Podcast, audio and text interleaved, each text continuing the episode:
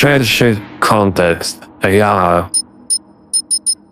Już właściwie Shinya Yamanaka w 2006 roku pokazał, że tak naprawdę reprogramowalność jest możliwa. Za pomocą czterech czynników transkrypcyjnych był w stanie zmienić typ komórki naukowcy tak będą potrafili wyhodować w laboratorium poprzez reprogramowany, celowany sposób komórki, tak będą potrafili dzięki tym komórkom wyhodować, nie wiem, serce czy jakikolwiek inny narząd.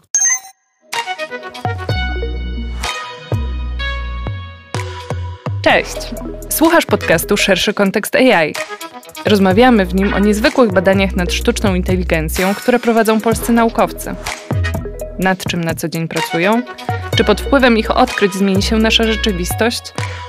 Nazywam się Krystyna Rapp-Beniemirska i wspólnie z Wami poszukam odpowiedzi na te pytania. Szerszy kontekst AI.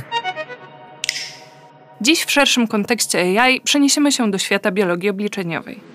Dowiemy się, jak reprogramuje się komórki ludzkie i co to oznacza dla współczesnej medycyny. Czy tworzenie organów lub leczenie chorób genetycznych w ten sposób to science fiction? A może stoimy już u progu rewolucji?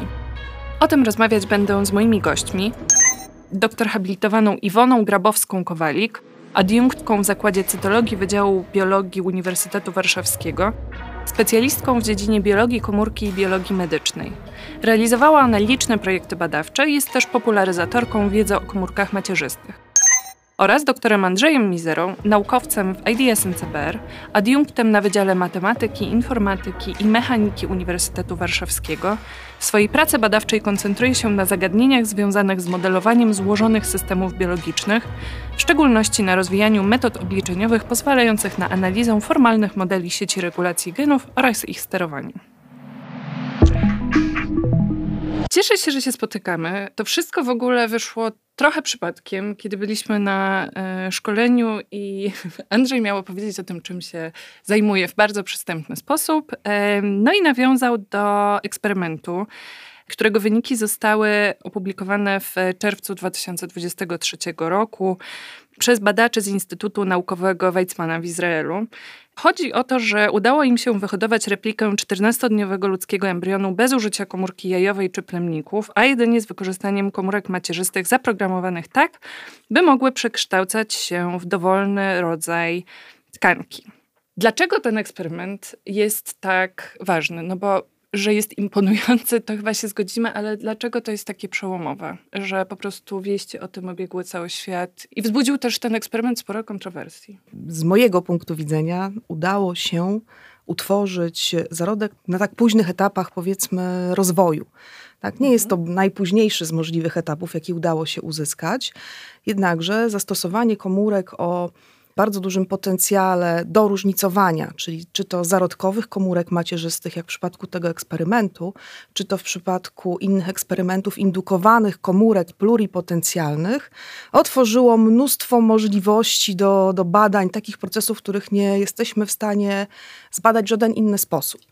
Tak, niedostępne są dla nas e, ze względów etycznych zarodki rozwijające się w łonie, mhm. w macicy i nie możemy ich w ten sposób, nie możemy ich analizować, nie możemy analizować procesów, które są bardzo trudne powiedzmy na tych wczesnych etapach rozwoju i o niezwykle dużych konsekwencjach na dalszych etapach rozwoju. Okej, okay, ale rozumiem, że właściwie dalej ich nie można realizować, tylko tutaj jak gdyby ważne jest to, że to nie jest prawdziwy płód, tak? Jak gdyby nie tak, tak, nie wykorzystujemy do tego mhm. komórki znaczy, ludzkie, jak tak, najbardziej okay. wykorzystujemy. Mhm. Co ciekawe, każda z naszych komórek, w zasadzie każda, jakby możemy z niej utworzyć komórkę o takim potencjale, który może dać, prawda, rozwój, czy to powstanie właśnie gamet, takich jak ocyt, czy też plemnik, czy właśnie rozwój organizmu. Więc tutaj etyczne zagadnienia też będą niezwykle ciekawe z tym związane. Natomiast no tutaj mamy ten zarodek 14-dniowy, to jest już dosyć dużo, tak? To się jakby wcześniej nie udawało aż tak dobrze. A z perspektywy takiej powiedzmy technologicznej, tej bardziej związanej ze sztuczną inteligencją, czy w tym eksperymencie jest coś, na co warto zwrócić uwagę, co mogło być trudne, a jakby technologia mogła pomóc? Mnie ten eksperyment, te wyniki tego eksperymentu zainteresowały ze względu na moją jakby tematykę, którą się zajmuję, czyli reprogramowanie komórek z punktu widzenia obliczeniowego. I w tym eksperymencie, na pewnym jego początkowym etapie, należało komórki macierzyste jak gdyby cofnąć w rozwoju, w sensie takim, żeby one właśnie stały się komórkami macierzystami pluripotentnymi. Jeżeli mogę się wtrącić, ja osobiście bardzo nie lubię mówić o tym, że cofamy w rozwoju komórki. Mhm. My ich nie cofamy, my je reprogramujemy właśnie, prawda? Czyli zmieniamy ich los. To nie jest już ta sama komórka. My nie możemy jej powiedzieć, cofaj się do tyłu, bo to jest już zupełnie inna komórka. To jest komórka potomna, prawda? Jakiejś tam komórki, z której się wywodzi. Ale to jest tylko moje absolutnie przyzwyczajenie i Tak, znaczy my to jak gdyby z punktu widzenia nauk obliczeniowych i takiego naszego rozumienia tego procesu, jak gdyby wyszliśmy od e, tak naprawdę krajobrazu Waddingtona, gdzie on zaproponował wizualną metaforę rozwoju, jak przebiega rozwój zarodkowy i jak komórki dzielą się. On sobie wyobraził taki jak gdyby górzysty krajobraz z dolinami, z górami i zarodek to jest taka powiedzmy kulka, piłka, która się znajduje na szczycie tego krajobrazu. Ten krajobraz jest pochylony i ta kulka jest jak gdyby w szczytowym punkcie tego krajobrazu i następnie pod wpływem sił grawitacji ta kulka stacza się w tym krajobrazie, ale ponieważ ten krajobraz jest właśnie nierówny, są różne doliny, są różne wzgórza, ta kulka losowo niejako wybiera ścieżkę w tym krajobrazie i ostatecznie ląduje w jakiejś takiej dolnej dolinie, która przez Waddingtona była interpretowana jako typ komórki. Także to już jest jakby ta wyspecjalizowana, taka już zróżnicowana maksymalnie komórka, która już nie ulega zmianom, tylko zostaje, już jest określonego typu. I teraz z punktu widzenia tego krajobrazu, patrząc na problem reprogramowania, widzieliśmy go w ten sposób, że jak gdyby ten naturalny bieg tego procesu niejako cofamy. Wkładamy dużo pracy w realizację każdego odcinka. Jeśli podoba Ci się to, co słyszysz, podaj go dalej lub oceń w swojej ulubionej aplikacji podcastowej. To będzie dla nas naprawdę duża nagroda.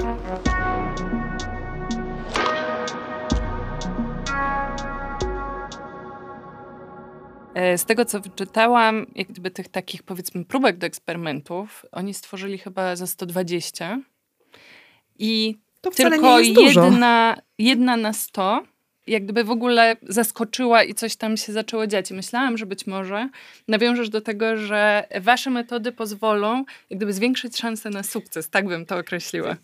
W pewnym sensie tak, bo już właściwie Shinya Yamanaka w 2006 roku pokazał, że tak naprawdę reprogramowalność jest możliwa. On po prostu za pomocą czterech czynników transkrypcyjnych był w stanie zmienić e, typ komórki. I... Zaczął od 21. Prawda? Shinya Yamanaka rozpoczął swoje tak. eksperymenty prawda? od wytypowania tych najważniejszych czynników, które są charakterystyczne dla komórek o bardzo dużym potencjale do różnicowania, czyli tych komórek macierzystych, mhm. bardzo wczesnych komórek macierzystych. I drogą taką prób i błędów, prawda, analizować... 26, 21. 21 e, elementów do różnicowania, czyli jak gdyby 26 elementów, którymi można jakoś manewrować, żeby stworzyć inny rodzaj komórki. Tak. tak? Wprowadzanie do komórek tak licznej grupy genów jest bardzo trudne, żeby komórki w ogóle to przeżyły. To jest niezwykle skomplikowane, tak z punktu widzenia eksperymentatora, tego, kto w tych komórkach tam miesza i dodaje i próbuje je utrzymać w tym czasie przy życiu. Natomiast doszli drogą różnych, e, różnych analiz prób i błędów, że wystarczą cztery prawda? Te cztery, które stały się tymi takimi czynnikami Yamanaki, oni w późniejszych etapach najpierw zaczęli od komórek mysich, potem przeszli do komórek ludzkich, a w kolejnych powiedzmy latach udało się wytypować jeszcze inne czynniki, które są znacznie nawet skuteczniejsze powiedzmy w tym reprogramowaniu, w tej zmianie komórki, tak? Możemy zmienić komórkę, która jest bardzo nawet zróżnicowana, taka jak, nie wiem, komórka okładzinowa żołądka to nie, nawet nie jest fibroblast, to jest jeszcze bardziej powiedzmy komórka z, zróżnicowana o nawet wyglądająca bardzo dziwnie. Tak? Więc y, zmiana jej losów y, jest, y, wydawałoby się niemożliwa, natomiast okazuje się, że właśnie zastosowanie tych czynników jest, sprawia, że te komórki możemy reprogramować. Jeszcze tylko chciałam powiedzieć o tej wydajności, tak? bo samo reprogramowanie wtedy, w czasach, kiedy zaczynał to robić Yamanaka, E, miało nie, niezbyt dużą, powiedzmy, skuteczność. Tak, czyli mieliśmy 0,1 i to było w ogóle super dużo. Czyli tam jedna, powiedzmy, komórka na tysiąc czy na dziesięć tysięcy, jeżeli uległa temu reprogramowaniu, to był to bardzo, bardzo duży sukces. Więc kiedy mówimy o 120 mhm. próbkach, to nie wydaje się to być aż takim bardzo dużym problemem. Tak? Aż taką Trochę bardzo też czasu minęło. Tak. Więc Dokładnie może te tak. metody się udało udoskonalić. Skoczyliśmy na taką głęboką wodę, bo chciałam zacząć od czegoś, co jako lejcy możemy sobie wyobrazić, tak? I co jest takie obrazowe. Ale czy mogłabym Was poprosić o to, żebyście się pokusili o zdefiniowanie w prosty sposób tego, czym się zajmuje biologia obliczeniowa? Biologia obliczeniowa jest dziedziną, w ramach której rozwijane są i stosowane metody modelowania matematycznego, techniki symulacji obliczeniowej oraz e, metody analityczne i teoretyczne do badania systemów i procesów biologicznych. Można badać e, szlaki sygnałowe, można badać procesy metaboliczne w komórkach. Generalnie z punktu widzenia, można powiedzieć, osób, które się zajmują biologią obliczeniową, my patrzymy tak naprawdę na systemy, które składają się z bardzo wielu elementów, które są, wchodzą w interakcję między sobą. I one tak naprawdę, nawet jeżeli znamy, poznane są interakcje, wiemy jak jedna, jeden element współgra z drugim, Natomiast to zachowanie tego, to złożone zachowanie tego systemu rodzi się z tego, że jak gdyby jest wiele tych elementów współgrających w tym samym czasie ze sobą. I powstają własności, których nie możemy analizować w odłączeniu od całości. To znaczy nie możemy patrzeć na poszczególne interakcje oddzielnie, dlatego że niejako tracimy wtedy obraz całości, to zachowanie się wynikające z tego, że tak dużo elementów ze sobą współgra. Więc można powiedzieć, że patrzymy na pewne sieci zależności pomiędzy elementami danego układu, no i za pomocą właśnie metod obliczeniowych, czy jakichś właśnie symulacji, czy używając wyników teoretycznych, próbujemy coś o tym systemie powiedzieć. Okej, okay, a gdybym to spróbowała trochę uprościć, bo to, co teraz powiedziałeś, przypomniało mi trochę rozmowę, którą miałam z ekspertami do spraw leśnictwa precyzyjnego, którzy mówili, jakby o danych dotyczących lasów w ogóle i przyrody, że one wszystkie gdzieś tam są, Natomiast one w ogóle nie są cyfrowe, to raz, a dwa, że jest ich tak dużo i tych zależności jak gdyby jest też tak dużo, że my jako ludzie nie umiemy ich już syntetyzować, bo jest tego po prostu ogrom i właśnie dlatego sztuczna inteligencja na przykład jest nam potrzebna, żeby to przejrzeć, tak, żeby sprawdzić to pod różnym kątem, być może właśnie odkryć nowe zależności. Czy takie porównanie jakby jest yy, w miarę ok?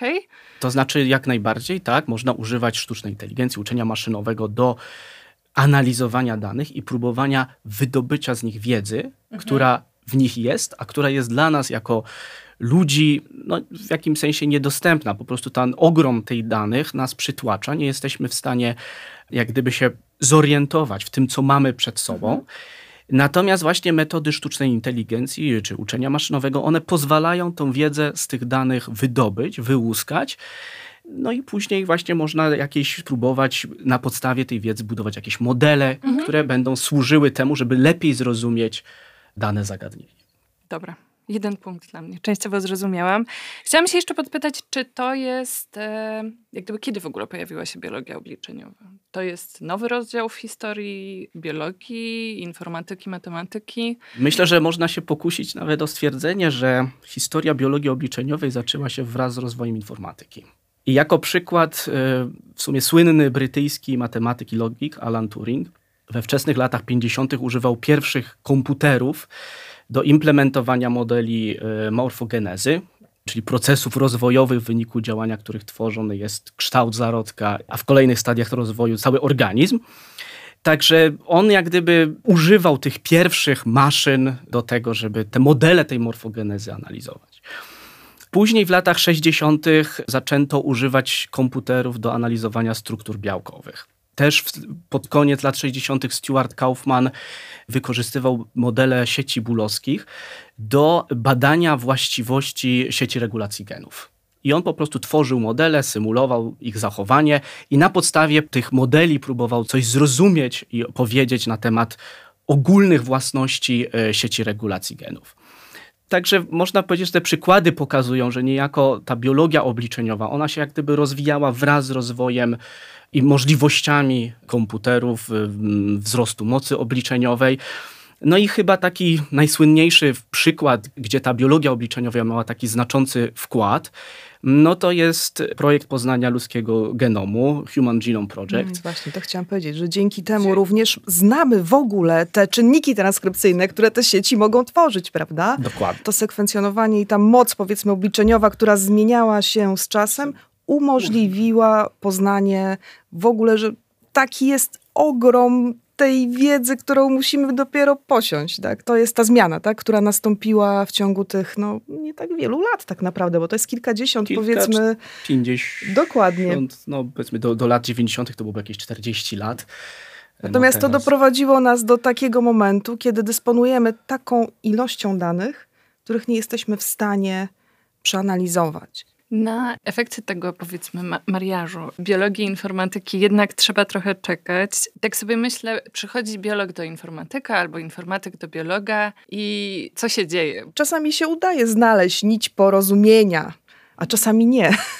I tak to chyba jest e, zawsze. Natomiast e, na pewno to połączenie czy praca na granicy różnych dziedzin absolutnie w tej chwili jest, e, jest kluczowa tak, dla zrozumienia różnych procesów, czy biologicznych, czy jakichkolwiek innych. Mhm. To jest tak, że w tej chwili nie można się zamknąć w swojej jednej ulubionej dziedzinie i nie wychodzić poza nią dlatego że niewiele się w ten sposób osiągnie. Znaczy, no, oczywiście, że można tam prowadzić różnego rodzaju badania, natomiast z pewnością współpraca, czy też praca w różnych dziedzinach, daje zdecydowanie lepsze efekty, czy o takim powiedzmy większym impakcie, nazwijmy je. Tak. Czasami, zwłaszcza na początku takiej powiedzmy współpracy jest problem może, z, y, że używamy pewnych tych samych pojęć, natomiast rozumiemy je w różny sposób.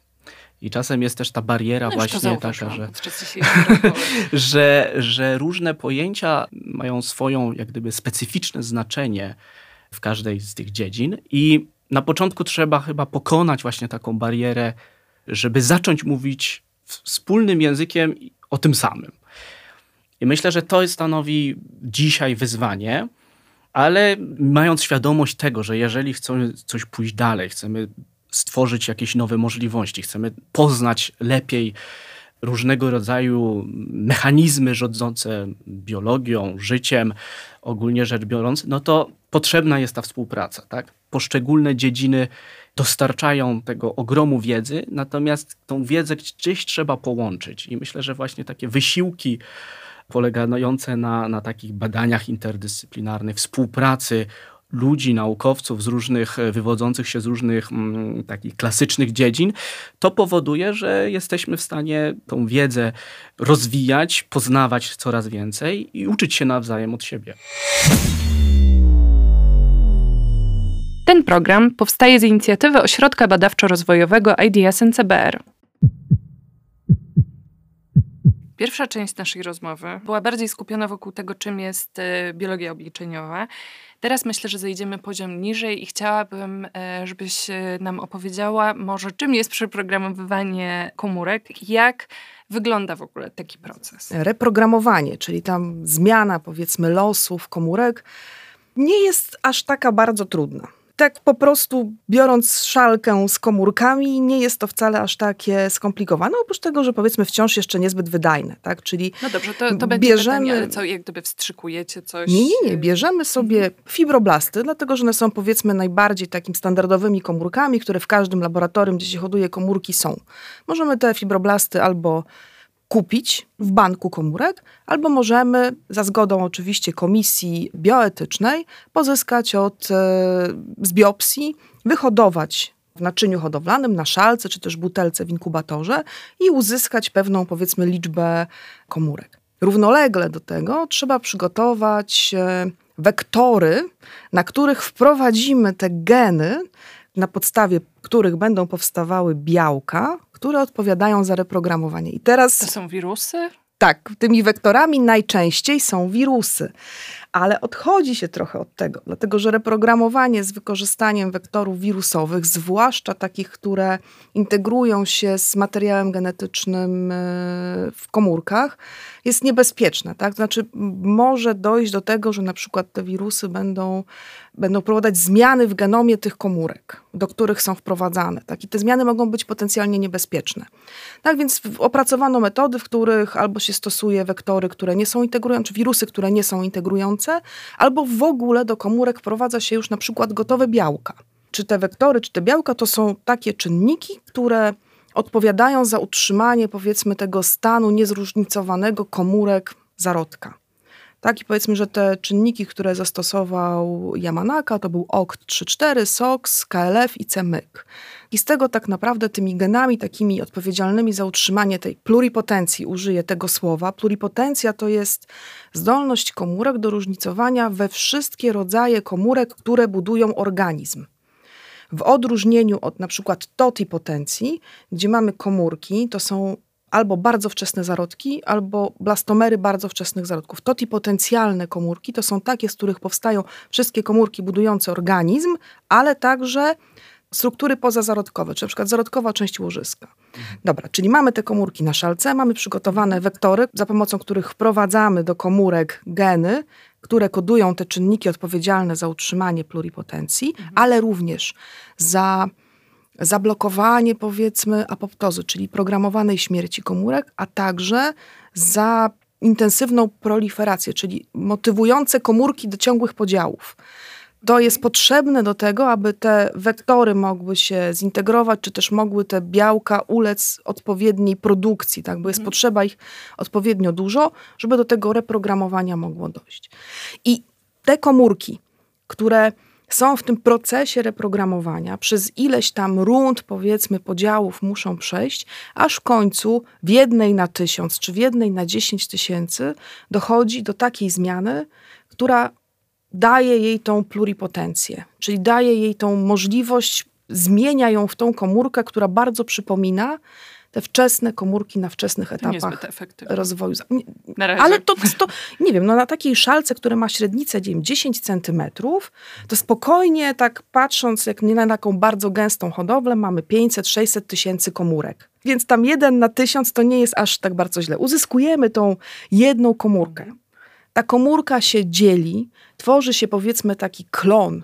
Tych komórek, tak? Z jednej tej komórki mamy za chwilę tam ich, nie wiem, 10, potem mamy mhm. kolejne, kolejne podziały i bardzo szybko uzyskujemy ich bardzo dużo. Okej, okay, ale te komórki, które już nam się udało reprogramować, czy można je wykorzystywać tylko do stworzenia zupełnie, że tak powiem, nowych tworów, tak? Jak ten sztuczny, powiedzmy, zarodek, czy jak gdyby jest jakaś możliwość na przykład wprowadzenia ich y, do organizmu i one w jakiś magiczny dla mnie sposób, tak, nagle zaczną się namnażać jako zdrowe komórki. To jest trudne zagadnienie, dlatego że Odkrycie Yamanaki absolutnie wzbudziło nadzieję na całym świecie wśród chorych, lekarzy i badaczy, naukowców. Bardzo, bardzo, bardzo wiele było entuzjazmu, dlatego że to były te ludzkie, indukowane, te reprogramowane, czyli indukowane komórki pluripotencjalne, te komórki IPS, możemy o nich tak mówić w skrócie, to były pierwsze, powiedzmy, ludzkie komórki pluripotencjalne, które nie budziły kontrowersji etycznych.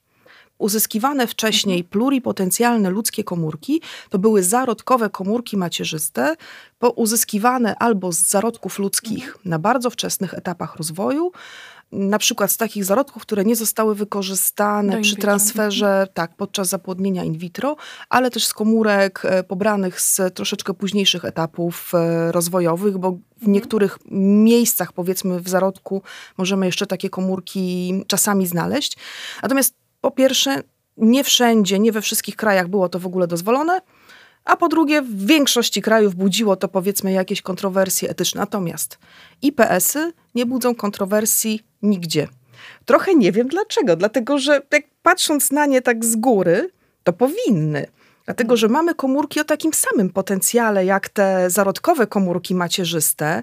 Możemy je uzyskać z dowolnej komórki naszego organizmu i potencjalnie z takiej jednej komórki możemy uzyskać cały organizm klon, prawda, organizmu, z którego ta komórka została pozyskana. To jest e, bardzo dla mnie osobiście ciekawe, powiedzmy, takie etyczne. zagadnienie etyczne, tak? Mhm. Natomiast te komórki w klinice jeszcze nie za bardzo są. I jeszcze pewnie nie tak szybko będą, dlatego że zbyt niebezpieczne jest przeszczepianie, bo pierwsze, co prawda każdy chciałby, to nie wiem, mam, nie wiem, zepsuty mięsień czy staw e, kolanowy i potrzebuję wymieniamy tam, części, wymieniamy tak? części, tak? Nie możemy po prostu tam wstrzyknąć tych komórek, które są niezróżnicowane, dlatego że nie wiemy, co one zrobią, w który ten stok na tym, prawda, na tym wzgórzu, na tym krajobrazie, w których tak. one w ten, nie wiem, padł, rów wpadną i mogą wpaść nie taki, w jaki chcemy. No bo jest też taka historia, kiedy włoscy lekarze wyhodowali skórę, aby ratować życie mm, syryjskiego chłopca. On cierpiał na pęcherzowe oddzielenie się na skórkę. To jest choroba genetyczna i w 2015 chyba roku e, lekarze pobrali fragmenty zdrowej skóry chłopca i modyfikowali komórki genetycznie w laboratorium. Wyhodowali metr kwadratowy skóry, który później został przeszczepiony chłopcu, ale tu było tak, że on nie tylko jak gdyby został przeszczepiony, w sensie naprawił tę skórę, która już była zniszczona, ale również z tego, co ja zrozumiałam, ta skóra normalnie, że tak powiem, zaczęła Jak najbardziej. to jest możliwe, ale wciąż, mhm. wciąż takie badania to w większości są eksperymenty medyczne mhm. dla ratowania mhm. życia człowieka, który inaczej na pewno by mhm. umarł. Tak? I tutaj na pewne ryzyko lekarze się godzą, czy pacjenci się godzą, jeżeli są świadomi tego ryzyka, tak? bo niestety w wielu przypadkach, w jakichś takich podejrzanych, powiedzmy, klinikach o których słyszałam w Meksyku, w Chinach na przykład, są takie niezróżnicowane komórki, niezróżnicowane. Tutaj mamy do czynienia, e, ten przykład, o którym mówiłaś, dotyczy, mhm. dotyczy prawda, takiego zastosowania IPS-ów, w którym najpierw zmodyfikowano w ogóle te IPS-y tak, że je zmuszono do różnicowania wprowadzono tam geny, które zmusiły te komórki do tego, żeby różnicowały. I a i tak tylko te, które były tak, już... A i tak zawsze ryzyko zostaje takie, że jedna, jedna nie zróżnicowała. I ta jedna komórka, jeżeli tak się przydarzy, że rozpocznie intensywne podziały, to może albo intensywnie się dzielić w nieskończoność niemalże, dopóki będzie miała dostęp do odpowiednich prawda, czynników, które takie podziały jej będą umożliwiały, ale może też zacząć różnicować w bardzo niebezpieczne, powiedzmy, komórki, na przykład w komórki, które będą wydzielały jakieś hormony, które będą wpływały na kolejne komórki i, i na przykład doprowadzą poprzez intensywne podziały do tego, że dojdzie do jakiejś zmiany nowotworowej. I w momencie, kiedy możemy się tych komórek jakoś tam pozbyć, to nie powinno się stać nic strasznego. Natomiast jeżeli na przykład słyszę o tym, że takie komórki niezróżnicowane są podawane do rdzenia kręgowego osobom, które mają przerwany rdzeń kręgowy, no to już to jest e, bardzo duże ryzyko. To może być e, ryzyko śmiertelne, mhm. prawda? Dlatego, tak jak mówię, to był ogromny optymizm, który przez te lata troszeczkę przygasł. Ale trzeba pamiętać o tym, że ludzkie ES-y, zarodkowe komórki macierzyste ludzkie, od kilkudziesięciu lat już je jakby badamy, znamy. I wciąż nie ma terapii z wykorzystaniem tych ludzkich zarodkowych komórek macierzystych. A ludzkie IPS-y, czyli te indukowane pluripotencjalne komórki macierzyste, znamy od 2007 powiedzmy roku. No i trudno się spodziewać, że w ciągu tych no, kilkunastu lat natychmiast będziemy mieli terapię. Tak więc E, A myśląc tak jakby, słuchajcie, hipotetycznie, jak gdyby absolutnie nie mówimy, że to się dzieje i tak dalej, ale sam ten mechanizm reprogramowania komórek, oprócz tworzenia nowych organów, tak? Jak gdyby w jakich obszarach on mógłby się przydać? Bo my wymieniliśmy dwa, tak? Jak gdyby tworzenie różnego rodzaju modeli, które pozwolą nam obserwować rozwój komórek zarodków na przykład, co w przypadku ludzkich zarodków no jest niemożliwe ze względu obostrzeń prawnych, etycznych. I jak gdyby ten przykład ze skórą mówi o wyhodowaniu, może nie nowego organu, tak, ale jak gdyby jakiejś... Skóra organem jest jak najbardziej. Okay. Mhm. Nowego organu. Jak jeszcze można by było wykorzystać? Badanie funkcji genów. Takie komórki możemy w bardzo, bardzo łatwy sposób modyfikować genetycznie. Tak? Mamy teraz różne nowe technologie wykorzystujące nowe sposoby, powiedzmy, na wycinanie fragmentów e, DNA, czy usuwanie bardzo małych fragmentów DNA, które mogą pomóc nam w wyłączeniu jakiegoś genu.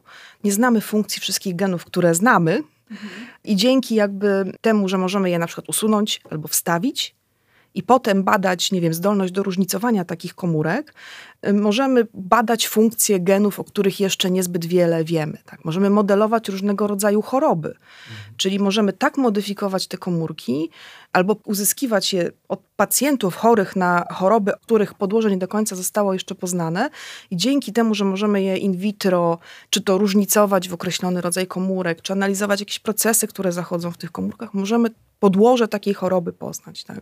Więc, e, więc Czyli tych... szansa na przykład na zbadanie komórek nowotworowych i później w jakiś sposób, nie wiem, szczepienie ludziom czegoś, co sprawiłoby, że. No tu, nie jeśli wiem, chodzi o zastosowanie w przypadku choroby nowotworowej, to raczej myślę o innym zastosowaniu. Czyli w tej chwili, powiedzmy, jedną z metod e, leczenia nowotworu związanych z krwią, czy ze mhm. szpikiem kostnym, jest, nie wiem, naświetlenie, czy usunięcie komórek własnych, tych macierzystych e, krwi pacjenta i podanie mu przeszczepu szpiku e, kostnego dawcy. Tych dawców niestety nie ma wcale tak dużo i bardzo wiele osób czeka nieskutecznie powiedzmy na ten przeszczep. I być może, gdyby udało się w mm, taki bardzo powiedzmy dobry i skuteczny sposób różnicować indukowane komórki pluripotencjalne od pacjenta, który potrzebuje takiej terapii, właśnie w komórki, nie wiem, krwiotwórcze, które później mu przeszczepimy, to by było fantastyczne, bo po pierwsze nie mamy problemu z odrzuceniem przeszczepu, tak, bo mamy komórki od osoby, do której je przeszczepiamy, a po drugie jest, mamy nieskończone źródło komórek. Tak. Natomiast to jest pieśń przyszłość. Tak, no i być może y, obliczenie tego, no jak tym posterować, e, e, przyspieszy takie terapie. Jeśli słuchasz nas w aplikacji Spotify, znajdziesz w niej dołączoną do tego odcinka ankietę. Gorąco zachęcamy do podzielenia się swoją opinią. Dziękujemy. Jak sztuczna inteligencja może wspomóc proces prac nad reprogramowaniem komórek. Problemy są dwa, tak naprawdę, czyli jakby ta wydajność, znaczy wiemy w sumie jak to zrobić, ale w sumie mały procent tych komórek e, w laboratorium rzeczywiście poddaje się temu reprogramowaniu. Druga to jest precyzja, czyli żebyśmy dostawali w wyniku reprogramowania dokładnie ten typ który chcemy, a nie, że pozostawia to nam właśnie ryzyko, że powstaną komórki te, które chcemy, ale też takie, których mhm. powiedzmy byśmy nie chcieli, one coś tam mogą złego ewentualnie później e, zrobić. Także z punktu widzenia jakby moich zainteresowań, to co tutaj stanowi wyzwanie, to jak gdyby poszukiwanie odpowiednich kombinacji powiedzmy czynników transkrypcyjnych, które właśnie umożliwiają precyzyjne i wydajne przeprogramowywanie czy reprogramowanie komórek. I oczywiście można popatrzeć to na to, że wracamy do jak gdyby reprogramujemy, czyli jak gdyby wracamy, powiem to słowo, cofamy się jak gdyby mm. w tym rozwoju. Natomiast można też sobie wyobrazić, że chcemy robić to bezpośrednio, czyli z danego już zróżnicowanego typu od razu do typu docelowego. To oczywiście są takie obliczeniowe rozważania. To super. To jest niesamowite i gdyby się tak dało z, z, zaindukować różnicowanie w różne rodzaje komórek, wytypować te czynniki, prawda, które mogłyby jakby ukierunkować mhm. to, to różnicowanie, byłoby wspaniale. Rozumiem, że ty mógłbyś pomóc w wytypowaniu. Są to złożone problemy. Natomiast to, co myśmy, jakby te nasze algorytmy, oczywiście to jest udowodnione, że to są rzeczy trudne. Natomiast Prawdą też jest, że w biologii istnieje pewna struktura. To nie są losowe sieci, to nie są sieci zupełnie dowolne. One charakteryzują się pewną strukturą, jest pewna hierarchia, są pewne moduły w tych sieciach występują i korzystając z takich informacji jesteśmy w stanie skonstruować, opracować algorytmy, które pozwalają nam przede wszystkim wyznaczać te atraktory w dosyć efektywny w sumie sposób, tak? na zasadzie właśnie takiej metody dziel i rządź, gdzie rozbijamy sieć na podsieci, wyliczamy te atraktory w podsieciach, później te sieci... Trochę taka inżynieria wsteczna? To nie jest inżynieria wsteczna, dlatego że te sieci jakby są znane. My mamy dane, my nie, nie, musimy niczego jak gdyby tutaj odkrywać niejako, tylko chcemy wyliczyć, znaleźć poprzez zastosowanie właśnie algorytmicznie, wyliczyć atraktory takiej sieci. I to się nam udało, to były takie klasyczne algorytmy, ale one pozwalają powiedzmy te, które my żeśmy pokazywali, dla których jesteśmy w stanie wyliczyć te atraktory, no one działają powiedzmy do modeli sieci regulacji genów, które mają tam około powiedzmy do setki, może troszkę więcej genów. I teraz jeżeli byśmy chcieli pójść dalej, żebyśmy uchwycili właśnie te emergentne własności sieci regulacji genów, to potrzebujemy więcej tych zwykle elementów. Znaczy, jak gdyby zwiększyć liczbę genów, którą uwzględniamy w naszym modelu, ale wtedy problem staje się już złożony. Wtedy ten podział nie musi być taki, że, że uda nam się te traktory w jakimś rozsądnym czasie obliczeniowym znaleźć. I atraktory to jest jakby jedna rzecz. Dlaczego atraktory są ciekawe? Można je interpretować jako typy komórek. I teraz sprowadzamy problem reprogramowania czy przeprogramowania z jednego już zróżnicowanego typu w drugi jako problem w przypadku właśnie takiego modelu przesterowania, czyli wyjścia, wyrzucenia, jak gdyby wybicia tej dynamiki sieci z jednego atraktora i spowodowanie, że przejdziemy do jakiegoś innego stanu, którego dynamika sprowadzi do tego docelowego atraktora, w którym chcemy, żebyśmy się znaleźli. Natomiast te klasyczne algorytmy wymagają, żeby rozważać jeszcze nie tylko atraktory, ale tak zwane basin of attraction po angielsku, a polskie można by przetłumaczyć jako zlewiska, które, czyli zbiory stanów, które wiadomo, że w naturalny sposób ostatecznie zbiegną do danego atraktora. To się staje jeszcze bardziej skomplikowane obliczeniowo. Nad takimi algorytmami też pracowałem. Udało się nam takie algorytmy skonstruować, że rzeczywiście jesteśmy w stanie dla zadanego atraktora źródłowego i docelowego znaleźć optymalny zestaw e, modyfikacji, takich mhm. interwencji, gdzie po prostu zmieniamy wartość e, genu 0 na 1 albo odwrotnie. I taka kombinacja ulega takiej tymczasowej zmianie. I to powoduje, że ta jak gdyby dynamika się znajduje w nowym stanie i z tego stanu już sobie zbiega do tego docelowego atraktora. I tam można rozpatrywać różne strategie. Natomiast jest problem, bo te sieci ma, jest ograniczenie. Po prostu te modele nie mogą być zbyt duże. Wtedy te nasze algorytmy działają, te klasyczne podejścia. A żeby jakby mhm. to ulepszyć, to jest kwestia w ogóle zmiany modeli, czy kwestia większych mocy obliczeniowych, czy kwestia większej ilości danych? No bo jest taka teoria, że wszystko się da załatwić danymi i mocami obliczeniowymi. Można rozpatrywać też podejście oparte o dane bez budowania modelu. modelu. O tym może za chwilkę opowiem. Na razie jakby, bo można robić pośrednio, można mając dane zbudować model, to jest osobny problem i on też nie jest do końca rozwiązany i jest wiele problemów z tym związanych, które też jak gdyby aktualnie e, naukowcy nad tymi problemami pracują. To znaczy, jak z danych budować modele, znajdować te informacje o tym, jak dany gen jest regulowany, przez które geny i w jaki sposób, to to jak gdyby jest otwarty, aktualny problem. Natomiast zakładając, że już mamy model, który i tutaj też można powiedzieć, że modele w ogólności no, nie ma idealnego modelu. Nie ma modelu, który byłby poprawny. Tak? To można jest takie słynne powiedzenie brytyjskiego statystyka, który powiedział, że wszystkie modele są niepoprawne, ale niektóre są użyteczne. I właśnie my szukamy tych użytecznych modeli, które pozwalają nam zrozumieć te mechanizmy biologiczne. I teraz, jeżeli założymy, że dobrze, nasz model należy do tej klasy modeli użytecznych, no to wtedy stosujemy te metody obliczeniowe, algorytmy, żeby ten model analizować, patrzeć, jak się zachowuje, jaką informację z niego jesteśmy w stanie o tym naszym procesie biologicznym uzyskać. No i tutaj się pojawia problem taki, że można by się pokusić o spróbować przeskoczyć niejako ten problem złożoności, stosując inne podejście. To znaczy, nie próbować rozwiązać tego problemu poprzez wymyślanie, opracowywanie algorytmu, który krok po kroku powie nam, co zrobić, tylko zrobić to, co się udało w przypadku gry w Go.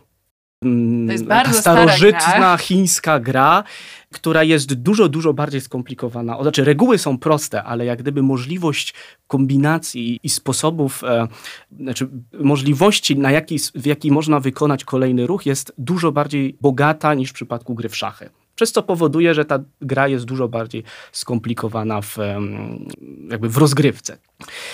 I Tutaj okazało się, że metody takiej sztucznej inteligencji, uczenia głębokiego, w tym przypadku było to głębokie uczenie przez wzmacnianie, dało radę i niejako udało się skonstruować, tak można powiedzieć, on się w sumie sam nauczył, ale algorytm, który jest w stanie grać na poziomie na najlepszych graczy na świecie, tak, a nawet lepiej.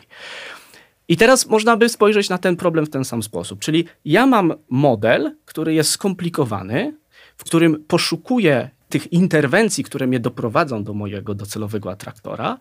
Natomiast ja nie wymyślam, jak to zrobić, tylko pozwalam właśnie temu algorytmowi znaleźć Czyli algorytm ma się strategię. sam nauczyć. Algorytm ma się nauczyć poprzez interakcję z tym środowiskiem, jakim jest mój model.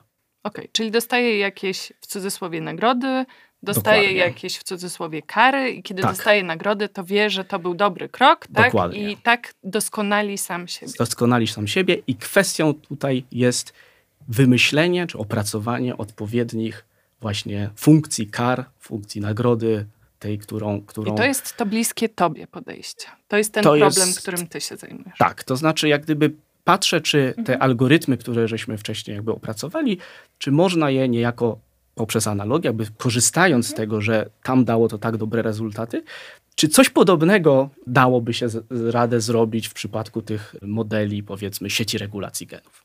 To jest to, co aktualnie jak gdyby nad czym się zastanawiamy. To, o czym rozmawiamy, jak gdyby jest bardzo w laboratoriach, oprócz takich, powiedziałabym, trochę desperackich, rozpaczliwych prób, kiedy jak gdyby decydujemy się po prostu coś, co nie jest do końca sprawdzone, zastosować w praktyce. Ale czy to jest możliwe, żeby tego rodzaju podejście, jak reprogramowanie komórek, weszło kiedyś powiedzmy do takiego mainstreamu? Żeby Hmm. było wykorzystywane jak gdyby nie tylko tak bardzo naukowo, Bardzo tylko w chciała. medycynie, leczeniu.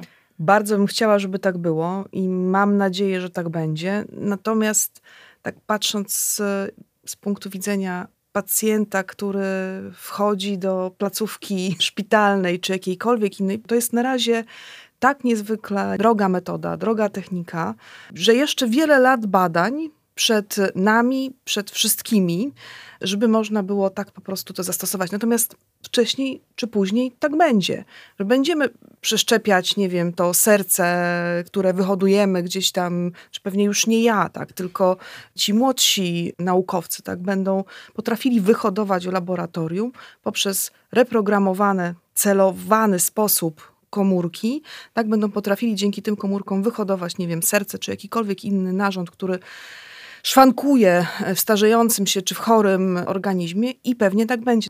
Natomiast y, ten entuzjazm, powiedzmy, taki był bardzo, bardzo duży na początku, teraz to troszeczkę przygasło, dlatego że trochę nam brakuje właśnie narzędzi, które pozwalałyby pewnie tymi komórkami odpowiednio sterować.